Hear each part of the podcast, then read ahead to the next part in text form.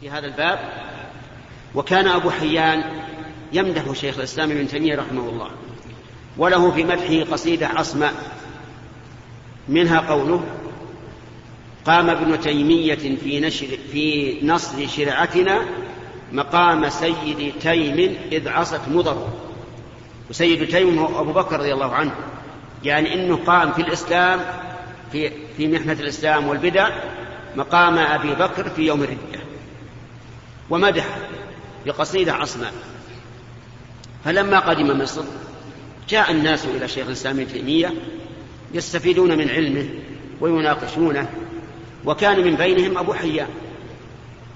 فناقشه في مسألة نحوية لأن أبا حيان بحر محيط في النحو. ناقشه في مسألة نحوية فقال له شيخ الإسلام هذا غلط. غلط ما, هو ما هي ليس هذا من كلام العرب. فقال له كيف؟ قال نعم. قال سيبويه إمام النحويين ذكر هذا في كتابه. فقال له شيخ الإسلام وهل سيبويه نبي النحو يجب علينا أن نتبعه؟ لقد غلط سيبويه في كتابه في أكثر من ثمانين موضعا لا تعلمها لا أنت ولا سيبويه سبحان الله. سيبويه عند النحويين مثل البخاري عند أهل الحديث. فتعجب أبو حيان كيف يقول هالكلام؟ ثم إنه ذهب عنه فأنشأ فيه قصيدة يذم والعياذ بالله. بالأمس يمدحه والآن يذمه والمهم أني أقول إذا كان الله تعالى يعطي في الكرامات نورا حسيا يستضيء به الإنسان كما حدث لهذين الصحابيين فكذلك يعطي الله تعالى نورا معنويا يقذفه في قلب العبد المؤمن أسأل الله أن يجعلني وإياكم من هؤلاء. وأن يقذف في قلوبنا نورا وهدى. يستطيع الإنسان فيه أن أن أن يتكلم في شريعة الله وكأن النصوص بين يديه بين عينيه. وهذه من نعمة الله على العبد. نسأل الله تعالى أن يجعلنا وإياكم من أوليائه المتقين وحزبه المفلحين وعباده الصالحين. على نبينا محمد وعلى آله وصحبه أجمعين. نقل المؤلف رحمه الله تعالى في سياق الأحاديث في باب كرامات الأولياء وفضلهم. عن أبي هريرة رضي الله عنه قال بعث رسول الله صلى الله عليه وسلم عشرة رهط عينا سرية وأمر عليهم عاصم بن ثابت عاصم بن ثابت الأنصاري رضي الله عنه فانطلقوا حتى إذا كانوا بالهدأة بين عسفان ومكة. ذكر ذكروا لحي من هذين يقال لهم بنو لحيان. فنفروا لهم بقريب من مائة رجل رام فاقتصوا آثارهم. فلما أحس بهم عاصم وأصحابه لجأوا إلى موضع فأحاط بهم القوم فقالوا انزلوا فأعطوا بأيديكم. ولكم العهد والميثاق أن لا نقتل منكم أحدا. فقال عاصم بن ثابت أيها القوم أما أنا فلا أنزل على ذمة كافر. اللهم أخبر عنا نبيك صلى الله عليه وسلم. فرموهم بالنبل فقتلوا عاصما. ونزل إليهم ثلاثة نفر على العهد والميثاق. منهم خبيب وزيد بن الدثنة ورجل آخر فلما استمكنوا منهم أطلقوا أوتار قسيهم فربطوهم. قال الرجل الثالث هذا أول الغدر والله لا أصحبكم إن لي بهؤلاء أسوة يريد القتلى. فجروا فجروه وعالجوه فأبى أن يصحبهم فقتلوه. وانطلقوا بخبيب, بخبيب وزيد بن الدثنة حتى باعوهما بمكة بعد وقعة بدر فابتاع بنو الحارث بن عامر بن نوفل بن عبد مناف خبيبا. وكان خبيب هو قتل الحارث يوم بدر فلبث خبيب عندهم أسيرا حتى, أجمع حتى أجمعوا على قتله فاستعار من بعض بنات الحارث موسى يستحد بها. فأعارته فدرج بني لها وهي غافلة حتى أتاه فوجدته مجلسه على فخذه والموسى بيده ففزعت فزعة عرفها خبيب فقال أتخشين أن أقتله؟ ما كنت لأفعل ذلك؟ قالت والله ما رأيت أسيرا خيرا من خبيب فوالله لقد وجدته يوما يأكل قطفا من عنب في يده.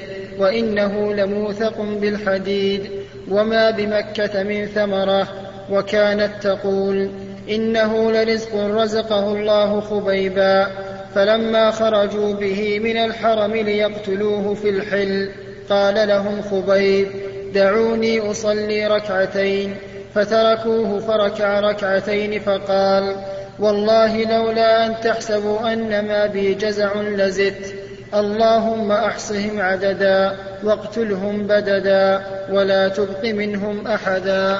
وقال فلست أبالي حين أقتل مسلما على أي جنب كان لله مصرعي وذلك في ذات الإله وإن يشاء يبارك على أوصال شلو ممزعي.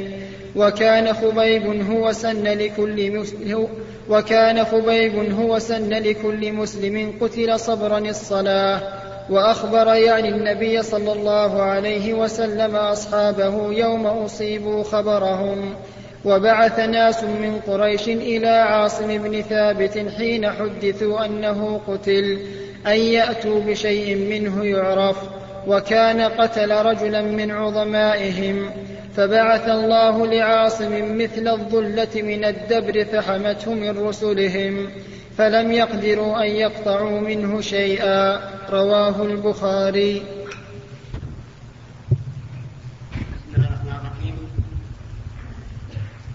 ساق المؤلف رحمه الله في باب كرامات الأولياء وفضلهم عدة أحاديث ومنها حديث أبي هريرة رضي الله عنه في قصة عاصم بن ثابت الأنصاري وصحبه. أرسلهم النبي صلى الله عليه وسلم وهم عشرة عينا سرية. عينا يعني مثل الجواسيس للعدو. سرية يعني أخفاهم عليه الصلاة والسلام. فلما وصلوا قرب مكة شعر بهم جماعة من هذيل فخرجوا إليهم في نحو مائة رجل. مائة رجل رامي يعني يجدون الرمي. فاتبعوا آثارهم حتى أحاطوا بهم. ثم طلبوا منهم أي هؤلاء الهذيليون طلبوا منهم أن ينزلوا بأمان وأعطوهم عهدا أن لا يقتلوه. فأما عاصم فقال والله لا أنزل على ذمة كافر أي على عهده لأن الكافر قد خان الله عز وجل ومن خان الله خان عباد الله. ولهذا لما كتب أبو موسى الأشعري رضي الله عنه إلى عمر بن الخطاب كتب إليه أن عنده رجلا نصرانيا جيدا في المحاسبة وطلب من عمر أن يأذن له أن يوظف هذا النصراني على بيت المال لأنه رجل جيد في الحساب. فكتب إليه عمر أنني لا آمن من خان الله ورسوله. لأن كل كافر فهو خائن ولا توليه على بيت المال. فكتب إليه مرة ثانية أبو موسى قال هذا رجل يعني قل من من يوجد مثله في الحساب والجودة. فكتب إليه عمر بسم الله الرحمن الرحيم. من أمير المؤمنين عبد الله عمر بن الخطاب. مات النصراني والسلام. كلمة واحدة جملة واحدة. مات النصراني يعني قدر أنه مات. هل إذا مات تتعطل المحاسبة عندنا في بيت المال؟ فقطع طمع أبي موسى الأشعري رضي الله عنه. المهم أن عاصم بن ثابت أبى أن ينزل على عهد الكفار لأنهم لا يؤتمنون. كل كافر فهو غير أمين. ثم إنهم رموهم بالنبل يعني هؤلاء الهذليون رموا هؤلاء الصحابة العشرة. فقتلوا قتلوا عاصما وقتلوا آه، ستة آخرين. وبقي ثلاثة. بقي هؤلاء الثلاثة وقالوا ننزل وننظر ماذا هل يوفون أم لا. فأخذهم الهذليون ثم حلوا قسيهم وربطوهم بها ربطوا أيديهم. فقال الثالث هذا أول الغد لا يمكن أن أصحبكم. فحاولوا حاولوا قال أبدا. فقتلوه. ثم ذهبوا بخبيب وصاحبه. إلى مكة فباعوه. فاشتري خبيب رضي الله عنه اشتراه أناس من أهل مكة وكان قد ذاب قتل زعيما لهم في بدر. خبيب ورأوا هذه فرصة أن يقتلوه. ثم أبقوه عندهم أسيرا. آه، مغلولة, مغلولة, مغلولة يداه. في يوم من الأيام كان في البيت وكان أسيرا مغلولة يده فدرج صبي من أهل البيت إلى خبيب رضي الله عنه فكأنه رق له ورحمه كعادة الإنسان يرحم الصغار ويرق لهم. ولهذا إذا رأيت من نفسك أنك ترق للصغار وترحمهم فهذه من علامة رحمة الله لك. لأن الراحمين يرحمهم الله عز وجل. ولهذا قال الأقرع بن حابس لما رأى النبي صلى الله عليه وسلم يقبل أظنه الحسن والحسين قال إن لي عشرة من الولد ما قبلتهم. قال أو أملك أن نزع الله الرحمة من قلبك؟ إنما يرحم الله من عباده الرحماء. خبيب أخذ الصبي ووضعه على فخذه. وكان قد استعار من أهل البيت موسى يعني موسى يستحد به يحلق به عانته. فلما رأت لما ذهب الصبي يدرس وأمه غافلة عنه. لما تفطنت له وإذا هو على فخذ خبيب وخبيب معه الموس فظنت أن هذه فرصة لخبيب. ماذا يصنع؟ يذبح الولد. الموسى معه والولد صبي وهو منفرد به. لكنه رضي الله عنه أمين. صحابي جليل. لما أحس أنها ارتاعت الأم قال والله ما كنت لأذبحه. قالت والله ما رأيت أسيرا خيرا من خبيب. رأيته ذات يوم وفي يده قطف عنب قطف عنب يأكل ومكة ما فيها شيء ثمر.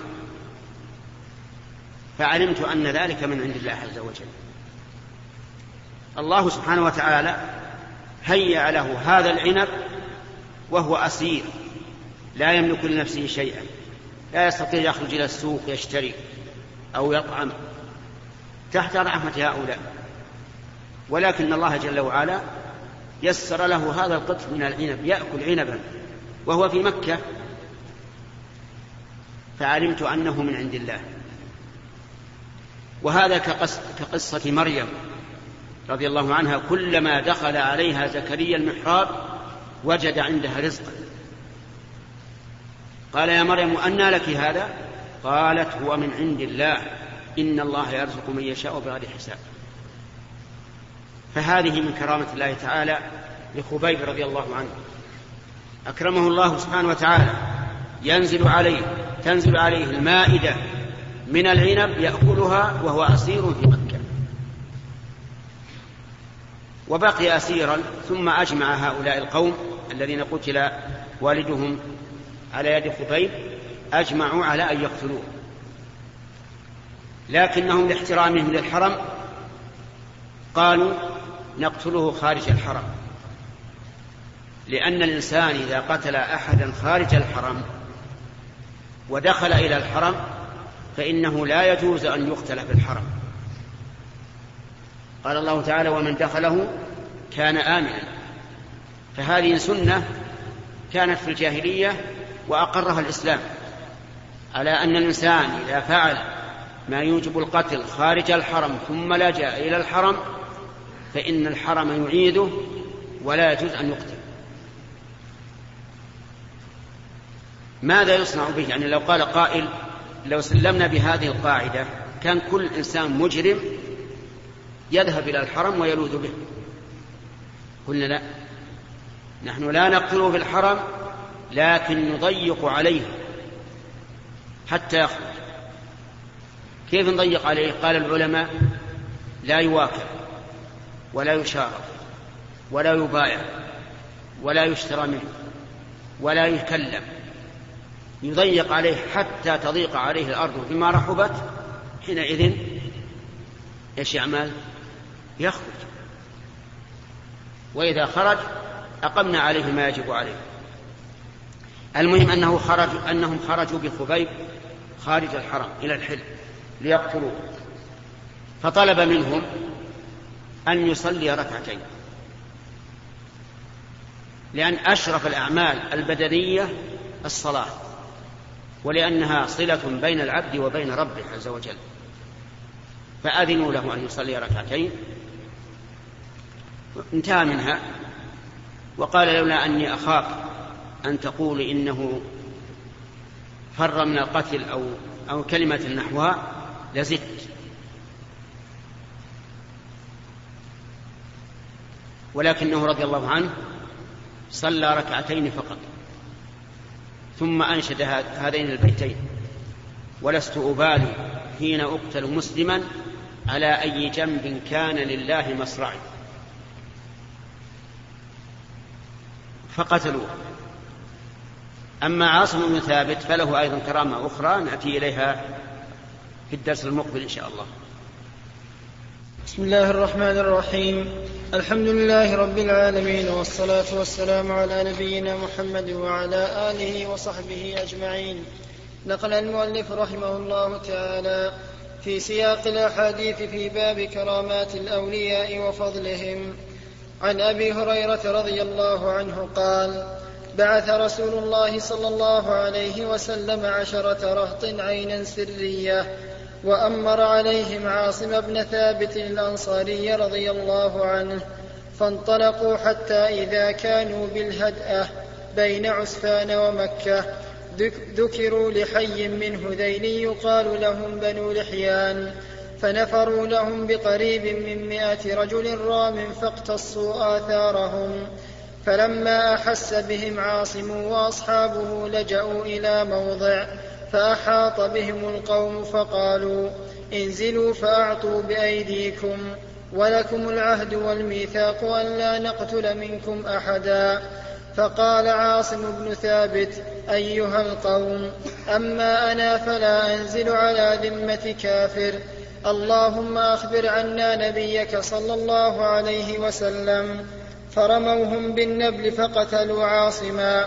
ونزل إليهم ثلاثة نفر على العهد والميثاق منهم خبيب وزيد بن الدثنة ورجل آخر فلما استمكنوا منهم أطلقوا أو فلما استمكنوا منهم أطلقوا أوتار قسيهم فربطوهم. قال الرجل الثالث هذا أول الغدر والله لا أصحبكم.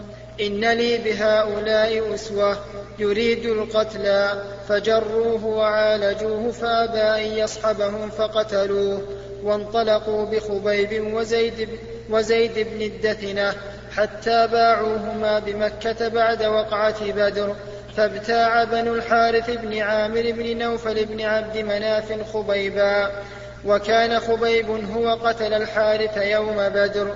فلبث خبيب عندهم أسيرا حتى أجمعوا على قتله فاستعار من بعض بنات الحارث موسى يستحد بها فأعارت فدرج, فدرج بني لها وهي غافلة حتى أتاه فوجدته مجلسة فوجدته مجلسه على فخذه والموسى بيده ففزعت فزعة عرفها خبيب فقال أتخشين أن أقتله؟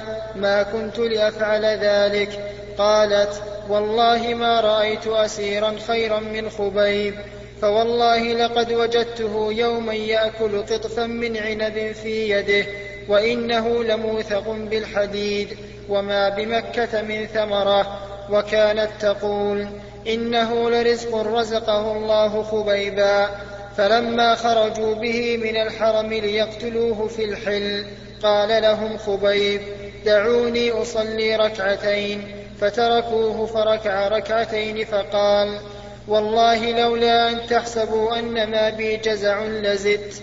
اللهم أحصهم عددا واقتلهم بددا ولا تبق منهم أحدا.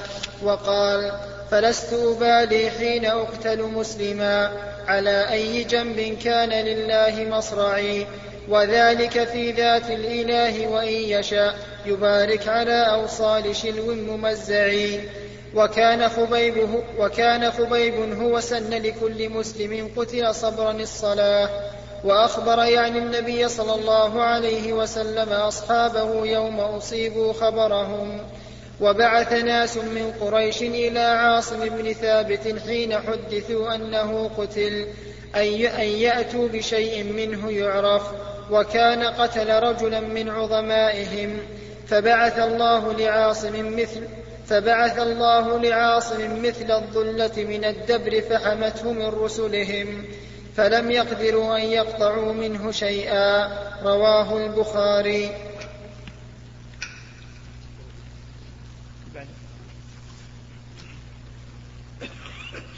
وعن أبي هريرة رضي الله عنه.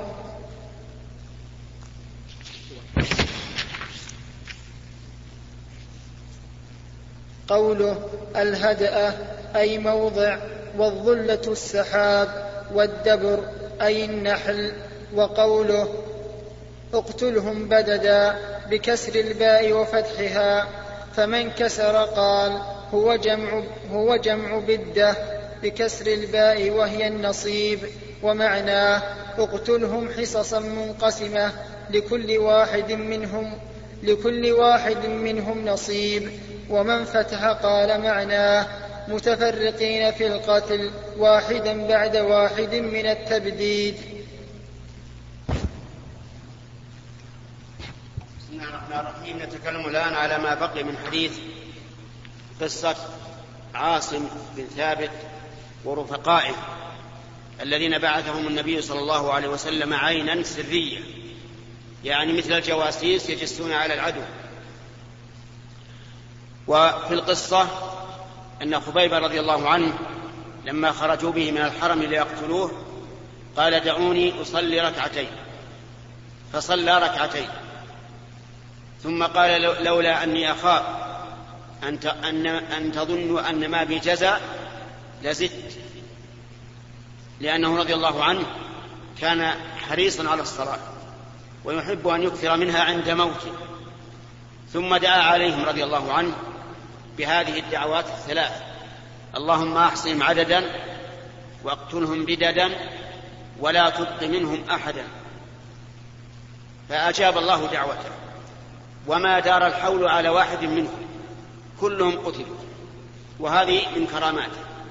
ثم أنشد هذا الشعر ولست أبالي حين أقتل مسلما على أي جنب كان لله مصرعي وذلك في ذات الإله فإن يشاء يبارك على أوصال شلو ممزع فصار من الكرامة لهذا الرجل أن الله سبحانه وتعالى كان يرزقه الفاكهة التي لا توجد في مكة وأنه كان يأكلها بيده ويده موثقة بالحديد.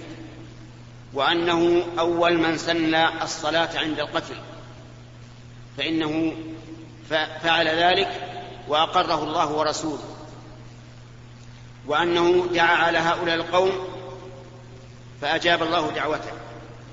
أما عاصم بن ثابت الذي قتل رضي الله عنه فإنه شعر به قوم من قريش وكان قد قتل رجلا من عظمائه. فأرسلوا إليه إنسان جماعة يأتون بشيء من أعضائه يعرف حتى يطمئنوا أنه قتل. فلما جاء هؤلاء القوم ليأخذوا شيئا من أعضائه أرسل الله تعالى عليه, عليه مثل الظلة من الدبر أي من النحل نحل عظيم يحميه الله تعالى من هؤلاء القوم. فما عجزوا أن يقربوه ورجعوا خائبين. وهذا أيضا من كرامة الله سبحانه وتعالى لعاصم رضي الله عنه أن الله حمى جثته بعد موته من هؤلاء الأعداء الذين يريدون أن يمثلوا به. والكرامات كثيرة. ذكر المؤلف منها ما ذكر في هذا الباب وذكر أيضا أشياء متفرقة في هذا الكتاب. قال شيخ الإسلام رحمه الله من أصول أهل السنة والجماعة التصديق بكرامات الأولياء وما يجري الله تعالى على أيديهم من أنواع العلوم والمكاشفات والقدرة والتأثيرات. قال والكرامات موجودة قبل هذه الأمة وفي صدر هذه الأمة إلى يوم القيامة. وذكر شيئا كثيرا منها في كتابه الفرقان بين أولياء الشيطان وأولياء الرحمن. الحمد لله رب العالمين والصلاة والسلام على نبينا محمد وعلى آله وصحبه أجمعين. قال رحمه الله تعالى باب تحريم الغيبة والأمر بحفظ اللسان. قال الله تعالى ولا يغتب بعضكم بعضا أيحب أحدكم أن يأكل لحم أخيه؟ أيحب أحدكم أن يأكل لحم أخيه ميتا فكرهتموه؟ واتقوا الله إن الله تواب رحيم. وقال تعالى ولا تقف ما ليس لك به علم. إن السمع والبصر والفؤاد كل أولئك كان عنه مسؤولا. وقال تعالى ما يلفظ من قول إلا لديه رقيب عتيد بسم الله الرحمن الرحيم قال المؤلف النووي رحمه الله في كتابه رياض الصالحين باب تحريم الغيبة ووجوب حفظ اللسان. ثم ذكر عدة آيات في هذا المعنى. والغيبة بينها النبي صلى الله عليه وسلم حين قال لأصحابه أتدرون ما الغيبة؟ قالوا الله ورسوله أعلم. قال الغيبة ذكرك أخاك بما يكره. قالوا يا رسول الله أرأيت إن كان في أخي ما أقول؟ قال إن كان فيه ما تقول فقد اغتبت وإن لم يكن فيه ما تقول فقد بهته يعني ما الغيبة؟ فالغيبة من كبائر الذنوب التي لا تكفرها الصلاة ولا الصدقة ولا الصيام ولا غيرها من من الأعمال الصالحة بل تبقى على الموازنة. قال قال ابن عبد القوي رحمه الله في نظمه الآداب وقد قيل وقد قيل صغرى غيبة ونميمة وكلتاهما كبرى على نص أحمد. أحمد بن حنبل رحمه الله. يعني أنه قد نص على أن الغيبة والنميمة من كبائر الذنوب. وقول النبي عليه الصلاة والسلام في تعريفها ذكرك أخاك بما يكره يشمل ما يكرهه من عيب خلقي وعيب خلقي وعيب ديني. كل شيء يكرهه فإنك إذا ذكرته به فهي غيبة. من عيب خلقي كما لو اغتبته بأنه أعور أو أعرج أو طويل أو قصير أو ما أشبه ذلك. هذه غيبة. أو خلقي كما لو اغتبته بأنه ليس بعفيف. ليس بعفيف. يعني يتتبع النساء ينظر إلى النساء ينظر إلى المردان وما أشبه ذلك. أو عيب ديني بأن تقول إنه مبتدع إنه لا يصلي مع الجماعة إنه لا يفعل كذا وكذا. تعيبه في غيبته.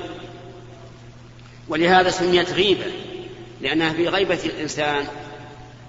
أما لو كان ذلك في وجهه فإنه يسمى سبا وشتما ولا يسمى غيبة وقول النبي عليه الصلاة والسلام إن كان فيه ما تقول فقد اغتبته وإن لم يكن فيه ما تقول فقد بهته.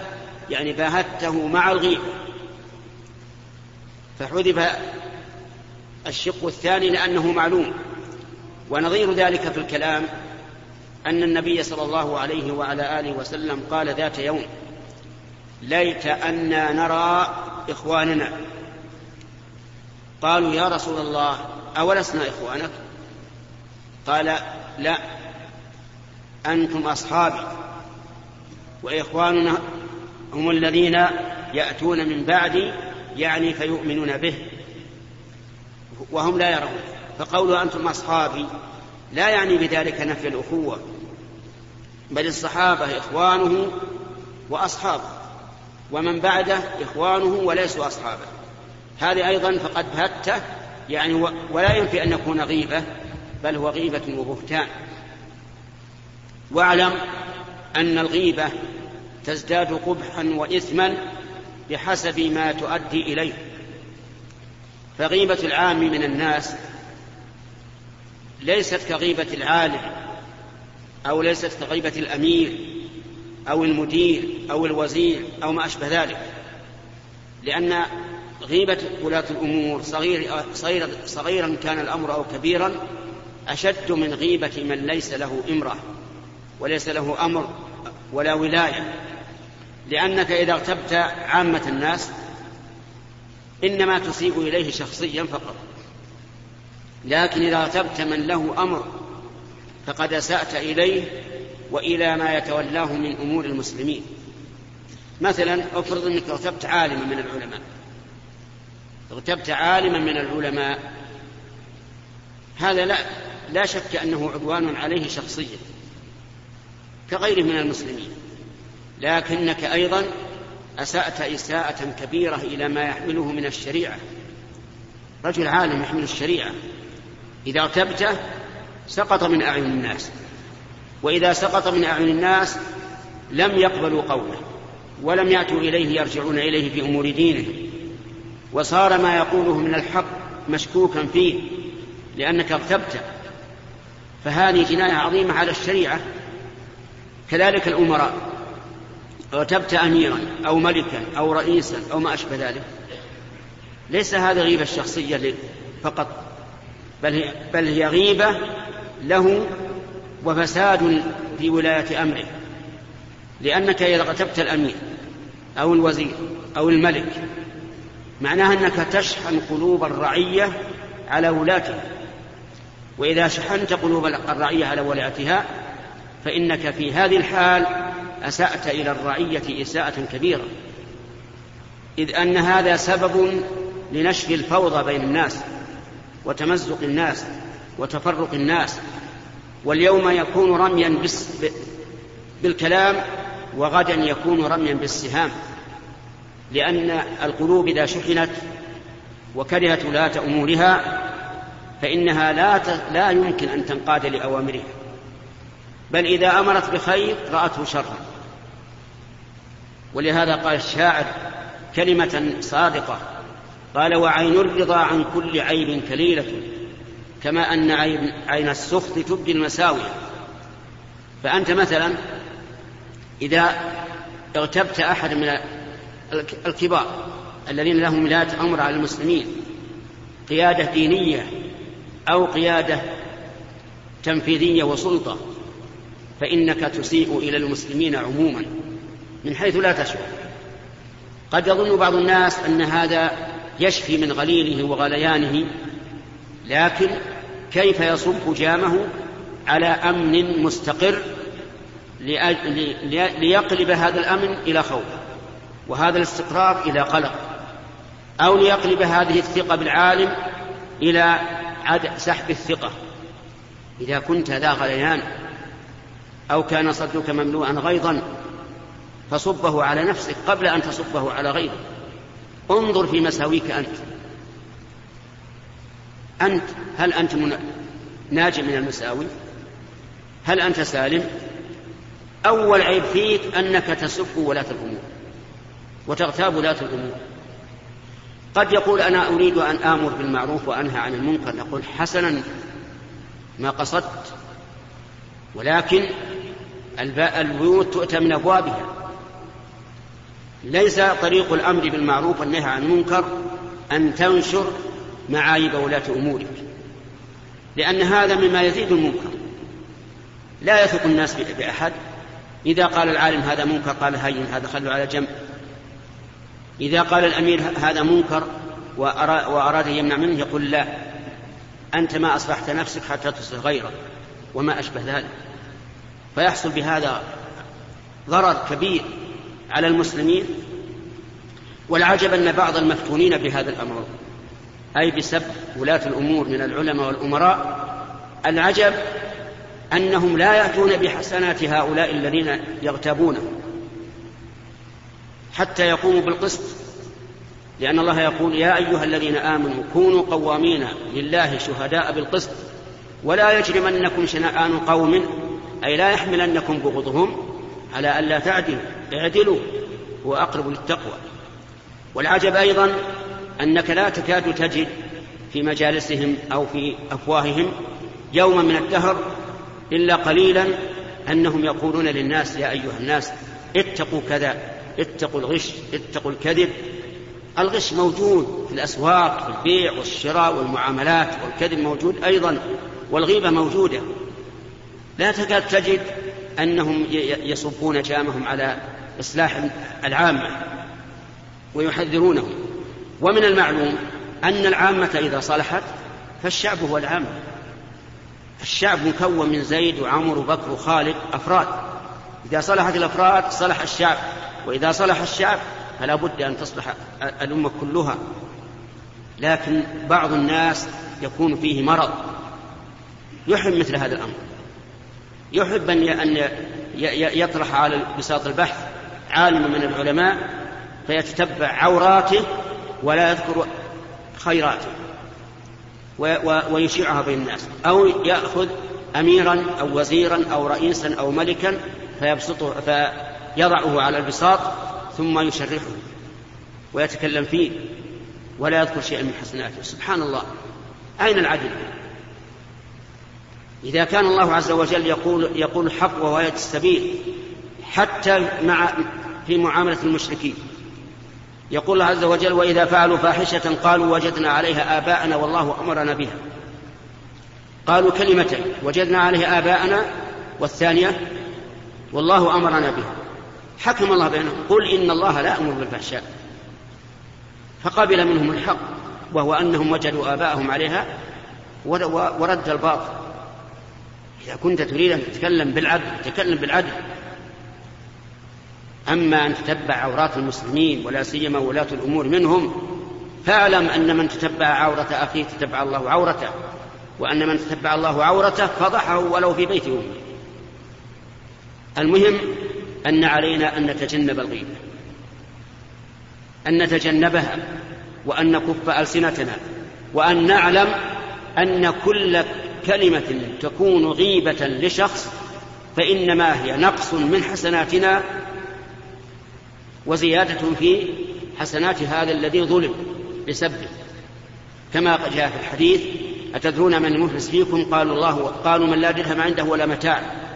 قال لا المفلس من يأتي يوم القيامة بحسنات أمثال الجبال فيأتي وقد ظلم هذا وشتم هذا وأخذ مال هذا فيأخذ هذا من حسناته وهذا من حسناته وهذا من حسناته فإن بقي من حسناته شيء وإلا أخذ من سيئاتهم فطرح عليه ثم طرح في النار.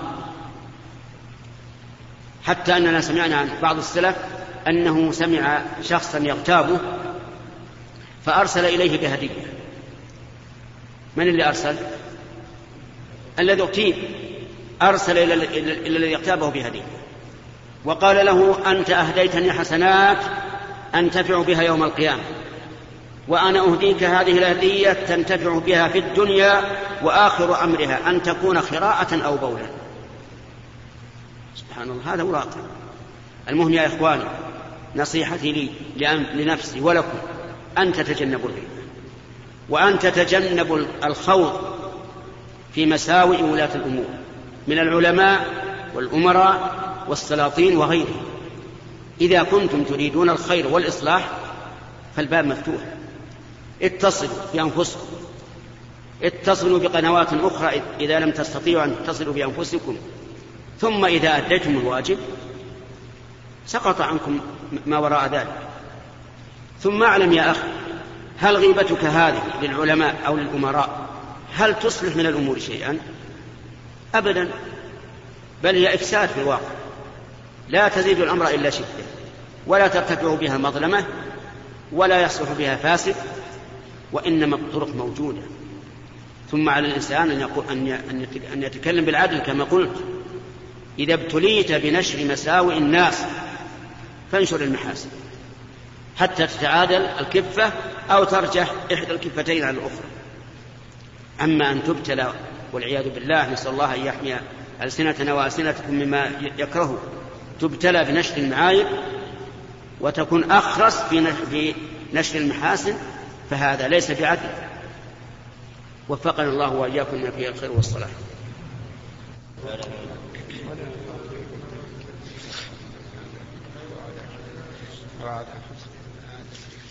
الله الرحمن الرحيم. الحمد لله رب العالمين والصلاة والسلام على نبينا محمد وعلى آله وصحبه أجمعين. قال رحمه الله تعالى باب تحريم الغيبة والأمر بحفظ اللسان. قال الله تعالى ولا يغتب بعضكم بعضا. أيحب أحدكم أن يأكل لحم أخيه ميتا فكرهتموه واتقوا الله إن الله تواب رحيم وقال تعالى ولا تقف ما ليس لك به علم إن السمع والبصر والفؤاد كل أولئك كان عنه مسؤولا وقال تعالى ما يلفظ من قول إلا لديه رقيب عتيد بسم الله الرحمن الرحيم. قال المؤلف رحمه الله تعالى في كتابه رياض الصالحين باب تحريم الغيبة ووجوب حفظ اللسان. سبق لنا في الدرس الماضي أن الغيبة هي أن تذكر أخاك بما يكره في دينه أو خلقه أو خلقته أو خلقته أو غير أو غير ذلك. كل شيء يكرهه أخوك فلا فلا تذكره به في حال غيبته. وسبق لنا أن الغيبة من الكبائر من كبائر الذنوب وأنها لا تكفر الصلاة ولا الصدقة ولا الصيام ولا الحج إلا أنها كغيرها من الكبائر يوازن بينها وبين الحسنات. وسبق لنا أن الغيبة تختلف أي يختلف حكمها وقبحها بحسب ما تفضي إليه من مفاسد. وسبق لنا أن غيبة ولاة الأمور من العلماء والأمراء أشد من غيبة غيرهم لما يترتب على ذلك من المفاسد العظيمة. أما ما ساقه المؤلف من الآيات فأولها قوله تعالى ولا يغتب بعضكم بعضا وهذه معطوفة على ما ذكر في أول الآية. يا أيها الذين آمنوا اجتنبوا كثيرا من الظن إن بعض الظن إثم. ولا تجسسوا ولا يغتب بعضكم بعضا. أيحب أحدكم أن يأكل لحم أخيه ميتا فكرهتموه. فنهى الله عن الغيبة. ثم ضرب مثلا ينفر منه كل أحد. فقال أيحب أحدكم أن يأكل لحم أخيه ميتا؟ يعني لو قدم لك أخوك المسلم ميتا هل تحب أن تأكل لحمه؟ الجواب لا. كل يقول لا أحب ذلك ولا يمكن. فإذا قال قائل ما هي المناسبة؟ مناسبة ما هي مناسبة الغيبة لهذا المثل؟ قلنا لأن الذي تغتابه غائب. لا يمكن أن يدافع عن نفسه. كالميت إذا قطعت لحمه لا يمكن أن يقوم فيدافع عن نفسه. ولهذا إذا ذكرت أخاك بما يكره في حال وجوده فإن ذلك لا يسمى غيبة بل يسمى سبا وشتما. واتقوا الله. إن الله تواب رحيم. فأمر بتقوى الله عز وجل بعد أن نهى عن الغيبة وهذا إشارة إلى أن الذين يغتابون الناس لم يتقوا الله عز وجل. واعلم أنك إذا سلطت على على عيب أخيك ونشرته وتتبعت عورته فإن الله تعالى يقيض لك من يفضحك ويتتبع عورتك حيا كنت أو ميتا. لأن النبي صلى الله عليه وسلم قال من تتبع عورة أخيه تتبع الله عورته ومن تتبع الله عورته فضحه ولو في بيت أمه. إلا أن الغيبة إذا كانت للنصح والبيان فإنه لا بأس بها. أيها الإخوة في ختام هذه المادة نسأل الله أن نلقاكم في لقاءات متجددة. مع تحيات.